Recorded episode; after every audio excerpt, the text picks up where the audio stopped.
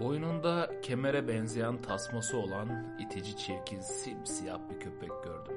Hey okyanustaki cin şişesi köpeğe öyle deme o da canlı falan zırvalıkları varsa aklında iç sesini sustur ve beni dinlemesini söyle ona. Yalan mı söyleyeyim çirkin agresif ve tehlikeli duruyordu. Bir hamam böceğini öldürürsen kahraman bir kelebeği öldürürsen şeytansın. Ahlakın estetik standartları vardır der Nietzsche abimiz. Doğal yaşamın içinde kabul edilebilir bir gerçeklik. Velhasıl başıboş gezen köpekle göz göze geldik. Covid döneminin bana bıraktığı el yıkama paranoyasından dolayı sokakta kedi köpek sevmiyordum uzun bir süre. Bu temizlik tribi geldi aklıma nedense. Bazen unuttuğum hislerimi ve veya unuttuğum, kaybettiğim gerçekleri hatırlıyor bir acayip oluyorum. Bunun en zirvesini askerde yaşadım. Askerliğimi Hakkari'de zorlu bir dönemde zor şartlarda yaptım. Her dağda makineli tüfekle dolaştığım ve tüm orada olduğum zaman arkadaşlarıma bir şey eksik ama ne diye darladım durdum. Asker arkadaşlarım da sağ olsunlar avokadodan buzlu bademe her şeyi hatırlattılar. Ananas, cık. dondurma, hayır. Bilgisayar oyunu, cık, yok hayır. Frappuccino, yok yok öyle bir şey değil. Eldiven, ı -ı. şambriyel, değil. Bolognese soslu makarna, yok Allah yok. Aradık taradık bulamadım neyin eksik olduğunu. Askerliğim bitti. Hakkari'nin dağlarından indim. Van Havalimanı'na geldim ve bir ses duydum. Allahu Ekber, Allahu Ekber. İşte buydu. Ezan sesini aramış kulaklarım. Bunu şaşalı dini hikayeler için anlatmadım. Ya da mistik bir yere bağlamayacağım. Hayatımda ilk kez bir puzzle parçası gibi bir parçanın olmayışına ve onu aramama, arayıp bulamamama ve sonunda bulunca fark etmeme şahit olmuştum. Garip bir deneyimdi. Neyse karşılaştığım köpekle bir nebze böyle oldum ve neden ellemiyorum lan yani korona geçti falan dedim. Yaklaştım asabileşti it ol it. Easy boy easy easy dedim. İnce bir iki adım at, geri attı. Biraz daha yaklaştım. Kim taktı oğlum sana bu tasmayı falan diye homurdandım biraz. O da biraz yalandı. Jack London'un kitaplarındaki beyaz diş kurtla karşılaşması gibi böyle burun buruna geldik. İnce ince hırlıyor. İstediğin kadar ata binme kursuna git. Himalayaların kıyılarındaki başıboş kısrakları zapt edemezsin ya o kıvamdayız. Ağır hareket ettim. Biraz başını okşayınca sakinleşti. Boynundaki kemer kılların kiriyle birleşmiş. Petrole bulanan martılar, albatroslar gibi. Çektim çıkardım fakat bir yere yapışmış. Göz göze geldik rahatsız oldu. Dedim ki bak aslanım bunu hızla çekeceğim. Bana saldıramazsın. Yani saldırmamalısın bence. Bakmayın biraz da geçti hoyratlığı. 3, 2, 1 dedim çektim çıkardım. Şaşırdı. Köpekteki agresyon geçti. Zıpladı, hopladı. O tehlikeli köpek gitti. Surat mizacı değişti resmen. Meğersem esaretin izi depresif etmiş kardeşi. Derken gözlerimi bir açtım. Ayna karşısındayım. Karşımda bana benzeyen bir suret. Nasıl oldu lan bu dedim. Neredeyim ben? Köpek nerede? Boynundaki çamura yapışmış tasması falan nerede? Ayna duşun buharı ile kaplı elimde tıraş bıçağı. Allah Allah. Aynada benim gibi şaşkın biri daha var. Tanımıyorum ama beni direkt beni böyle andırıyor sanki. Bir köpeği kurtardım. Nereden geldik buraya? Anlıyorum seni. Ben de aynısını yaşadım az önce. Burun kılın çıkmaya başlamış. Senin de kulaklarında var bir iki kıl. Sorma ya. Orta yaşın saçma getirileri. Peki dişler? Günde beş kere de fırçalasam sarı anasını avradını. Fırçalamayla alakası yok. Sigara içmeyeceksin. Bu mu yani? Bunlar mı şimdi derdimiz? Değil elbet ama az önce köpekle muhataptım. Şimdi bir anda ayna karşısında tıraş olurken senle burun buruna geldim falan. Muhtemel bir rüya bu. Bu rüyaysa köpek de mi rüyaydı? Onu bilmiyorum. Ama sormak isterim. Rüyada büyük bir gökdelen görünce şaşırırız. Neden şaşırırız? Binayı tasarlayan da, ona şaşıran da aynı beyin. Neden buna şaşırmayız?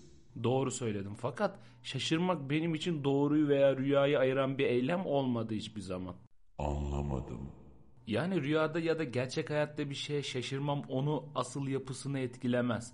Rüyadaki gökdelene ya da onun bana bıraktığı şaşırma özelliğine ya da ya da senin dediğin gibi hepsini kurgulayan beynimin bana oynadığı oyuna şaşırmam bana pek de ciddi bir veri gibi gelmiyor işin aslı. Velev ki rüyada binayı kurgulayan ve buna da şaşırmamı sağlayan beynime şaşırdım. Neyi değiştirecek? Farkındalık yaratabilir mesela. Farkına varmak uyanmak gibidir. Gerçeğin farkına varırsan aydınlanırsın. Bir rüyada farkına vardığın şey rüyada olduğunsa tam o an neredesindir mesela yani? Rüyadasındır ama gerçek hayatta olduğunun farkına varırsın ve ona göre dolaşırsın rüyanda. Peki o farkına vardığını zannettiğin yerde gerçekten var değilse ve sen tam da farkına varmaya yaklaştığın gerçeğin tuzağına düştüysen? Bu da olası evet.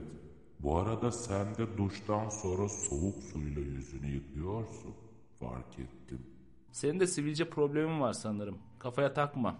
Elbet bir gün geçiyor. E o zaman gerçeği mi arayacağız biz şimdi? Sence nedir gerçek? Gerçeği uçurumdan aşağı atarsın ama o her zaman uçar. Gerçeği suya batırabilirsin ama o boğulmaz. Gerçeği ateşe atarsın ama yanmaz. Ve hayatta kalır. Toprağa gömersen mutlaka çıkar filizlenir. Gerçek her zaman galip gelir. Kuyudan çıkan gerçek kitabında bunun aksine bir hikaye anlatılır. Bilmiyorum ne diyor? 9. yüzyıl efsanesine göre gerçek ve yalan bir gün buluşurlar. Yalan doğru söyler ve bugün hava çok güzel der. Gerçek etrafa bakar ve gözlerini gökyüzüne kaldırır. Gün gerçekten çok güzeldir. Bir kuyunun önüne gelene kadar birlikte çok zaman geçirirler ve yalan doğru söyler. Su çok güzel. Birlikte suya girip serinleyelim mi der. Gerçek şüpheci bir şekilde suya dokunur, su gerçekten çok güzeldir.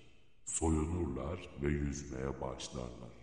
Yalan bir anda sudan çıkar, gerçeğin kıyafetini, gerçeğin kıyafetlerini giyerek kaçar, kayıplara karışır. Kızgın gerçek kuyudan çıkar, yalanı bulmak ve kıyafetlerini geri almak için her yere gider. Dünyada çıplak gerçeği görenler onu kor görmekte ve ona öfkeyle bakmaktadır. Zavallı gerçek kuyuya geri döner ve sonsuza kadar ortadan kaybolur. O zamandan beri yalan dünyanın her yerinde gerçek gibi giyinmiş ve içimizde yaşamaktadır. Dünya ise hiçbir şekilde çıplak gerçeği görmek istememektedir. Ee, Neyse bu kadar mı yani? yani evet Etkilenmedim. Ama evet yin yang etkisine müteakip demeliyim ki yalan ve gerçeklik bir yerde iç içedir. sen niye etkilenmedin ki hikayeden ben ona takıldım. Bence güzeldi. Güzeldi ama yavandı. Buz gibi soğuk suyla duş alır mısın? Katiyen hiç sevmem. Ayrıca bir köpeği tasmasından kurtardıktan sonra bu düş aynasına hapsolmamız ve üzerine konuşmamıza takılmıyorsun da hala klatüye, soğuk suya falan nasıl odaklanabiliyorsun? Bir dakika sen köpeğin tasmasını mı çıkardın? Evet. Bir şey fark ettim. Nedir o? Ben bir köpeğe tasma taktıktan sonra buraya geldim. Bu önemli bir detay olmalı. Siyah mıydı köpek? Evet. Aynı köpek. Ben tasmasını çıkardım, sen tasma taktın öyle mi? Niyetim kötü değildi. Hayır orası beni ilgilendirmez. Aklıma başka bir şey çağrıştırdı bu. Ne geldi aklına? Senin dandik hikayenden daha heyecanlı bir şey. Bence hikaye dandik değildi. Neyse dinle bak. Sana bir soru soracağım. Bir mecliste Bay Bilen ve Bay Soran vardır. Bay Bilen'in özelliği ona sorulan soruları kayıtsız şartsız biliyor olması. Bay Soran'ın özelliği ise sorduğu sorulara kayıtsız şartsız kimselerin cevap veremiyor olması. Mecliste başkan seçileceği zaman birbirine soru sorup cevaplayacaklarmış. Kim kazanır? Neden?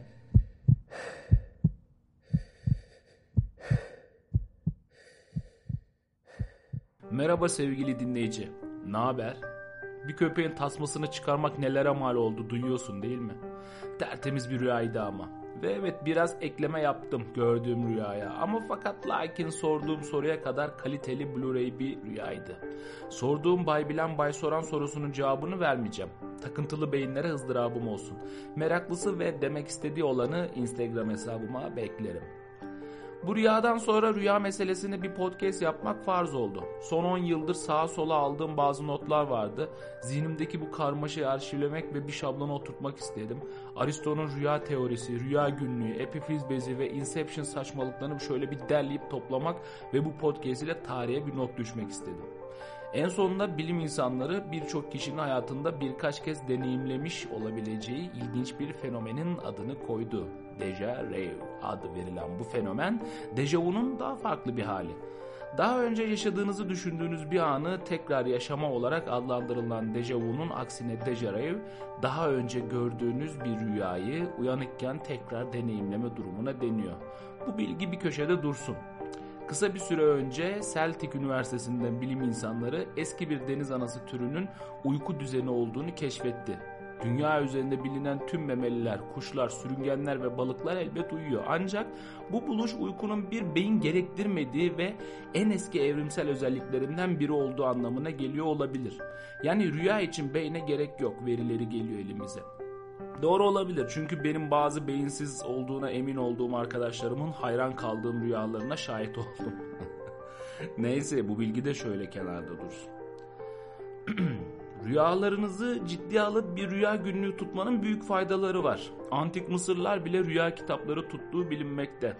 Rüya günlüğü tutmak gördüğünüz rüyaları hatırlamanızı kolaylaştırırken tekrar eden örüntülerin ve kabusların da farkına varmanızı sağlıyor. Daha hızlı problem çözme ve anksiyete ile başa çıkmaya yardımcı olduğu da söyleniyor. Lucid rüya yani berrak rüya ya da e, rüyada olduğunun farkına varma günlük tutarak erişilebilecek bir seviyedir diyor deneyenler. Antik Mısırlılar rüyaların tanrılardan mesajlar içerdiğine inanarak onları dikkatlice kayda geçirirlerdi. Ancak Mısırlılar bu inanışa sahip ne ilk ne de son uygarlıktı. Görünene göre Yunanlılardan Kızılderililere kadar her kültüre yer etmiş bir konsept bu.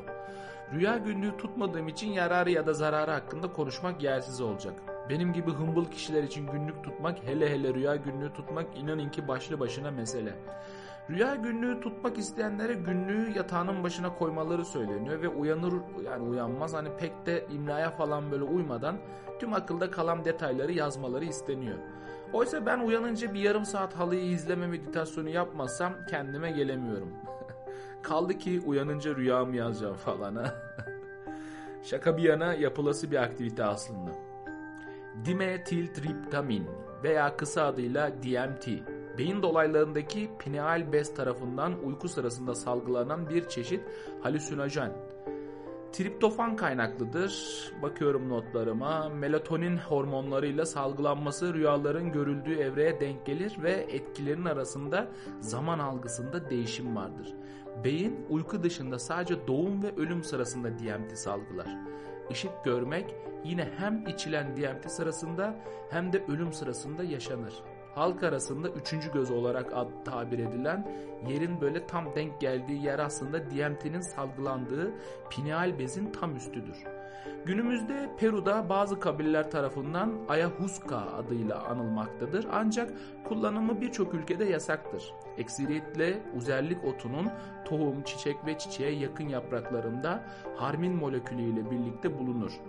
Beynin pineal bezini uyararak organizmanın DMT sentezlemesini sağlar. Bu Mısır ve Sümer mitolojisinde üçüncü göz denilen alandır. Aslında kişinin derin düşünme, plan ve organizasyon bazı mitolojilerde geleceği görme, yeteneği arttırdığı falan söylense de bu etki teoriktir. Bu bilgiyi şu sebeple verdim. Son dönemlerde beynimizdeki epifiz bezinin geliştirmenin rüyaya ve rüya çevresinde dolaşan mistik konulara yararı olacağı mevzusu aldı başını gitti. Epifiz abimizi geliştirmenin en trend yöntemi de DMT almak olarak lanse ediliyor. Akademisyen Mert Taylan Pakdil diyor ki çok basit şekilde anlatmak gerekirse epifiz bezi beynin en kesiti alındığında tam merkezinde bulunan kalem çekilmiş bir firavun gözüne benzeyen bir bölge. Beynin her bölgesinin ayrı bir fonksiyon için çalıştığını ve kimi durumlarda korteksler kurarak bu bölgedeki farklı işler için ortak çalıştığını biliyoruz. Epifiz bezi denilen bölgede yapılan çalışmalar sonrası ise bilim insanları bu bölge için nedense metafizik işlerinin bölgesi yakıştırmasını yapmış. Neyse ki henüz net şekilde yayınlanan kabul görmüş bir makale yok. Neyse ki diye sevmemin sebebi şu. Topluma böyle bir gücün bazı işlemlerde ortaya çıkacağı yani özel güçler edineceğini söylerseniz vay halimize. Su niyetine DMT çayı içer millet. İşte bu DMT çayına salça olacak hale gelmek tamamen astral seyahat yapma yavşaklığıyla birebir. Aslında bakarsanız rüyanın içine Inception gibi girme olsun, rüyayı kontrol etme olsun, rüyada üçüncü gözüm açık olsun ne dersen de artık sen bu işe. Bunu başarmak için konuyu DMT'ye getirenler tamamen müptezel yatkınlığı olanlardır gibi geliyor bana. Çünkü nereden bakarsan bak DMT tertemiz bir uyuşturucudur. Uzun süre DMT kullananların fotoğraflarına bakarsanız ağzı gözü yamulmuş birçok tip göreceksiniz. Uyuşturucu özelliği olan otların dünyada birçok ismi vardır. Lakap gibi düşünün. Dünyada en çok bilinen ismi kral otudur. Sebebi nedir biliyor musunuz? Şöyle bir hikayeye dayanır bu isim. Vakti zamanında sevilen ulu bir kral ölmüş ve mezarında o bölgede hiç bulunmayan bir bitki çıkmış. Ülkenin uluları bunda bir hikmet vardır deyip o otu alıp kralı anma zamanlarında ya da artık kendilerine has ritüellerinde ellerinde salladıkları metal tütsülüklere koyup yakmışlar. Yakmışlar da bir bakmışlar ayine katılan herkesin kafa güzel. Herkesin epifez bezi kral. Herkes de üçüncü göz açılmış. Bu sebeple adı kral otu kalmış. Kral gibi kral adammış. Öldükten sonra güzelliğini yapmış gitmiş yani. Bu gereksiz bilgiyi şu sebeple anlattım. Şimdi konuşmaya arasında geçen vay Mısırlılar yapmış, vay kadim medeniyetler kullanmış laflarına öyle çok atlamayın. Eskiden 3D sinema mı varmış, görsel efekt mi varmış, Instagram Instagram yok. Ne yapsın adamlar?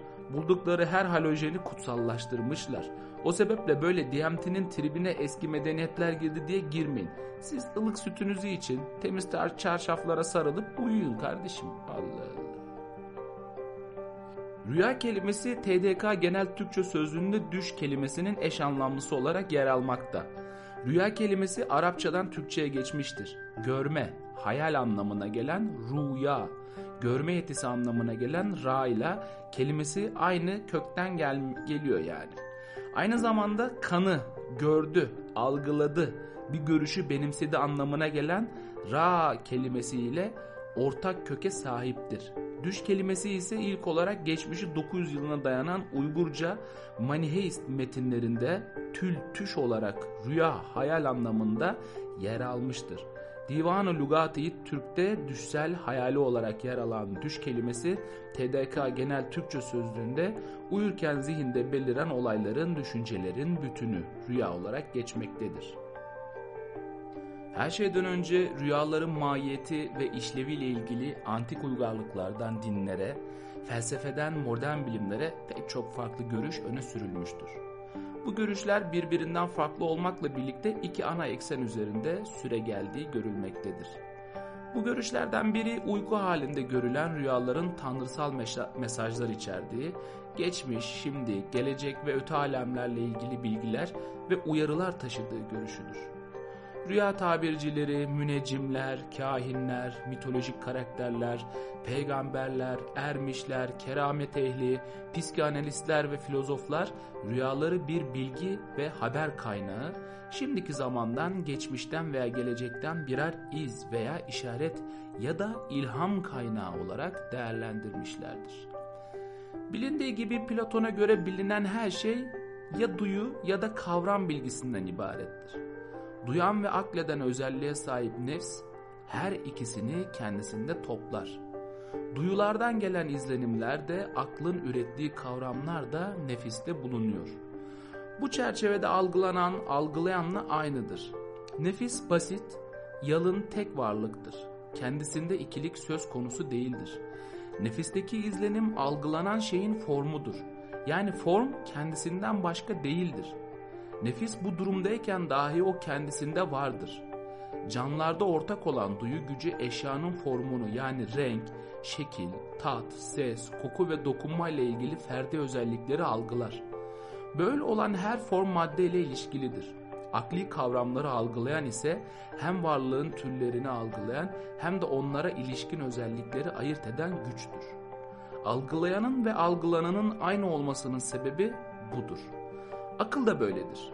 Nefis aklı kavramları algıladığı için o da kavramdan başkası değildir. Platon nefsin tüm duyulur ve akledilir şeylerin mekanı olduğunu söyler. Aristo'ya göre ise rüya dış dünyadaki duyu objelerinin ortak duyuda bıraktıkları izlerden ibarettir. Dış dünyadaki objelerin kendilerine özgü suretleri var. Rüyada suretler birleştirilmekte, cisme benzer soyut imajlar ve temsiller çıkarmaktadır. İşte uyku sırasında görülen rüyalar söz konusu duya, hani duyulardaki benzer imajlardır. Objeler gerçektir. Bu yüzden rüyaları inkar eden duyu objelerini inkar etmiş olur. Sonraları meşayilerden İbn Rüşd bunu rüya olgusunun sadece bir parçası olan yalancı rüya olarak niteleyecektir.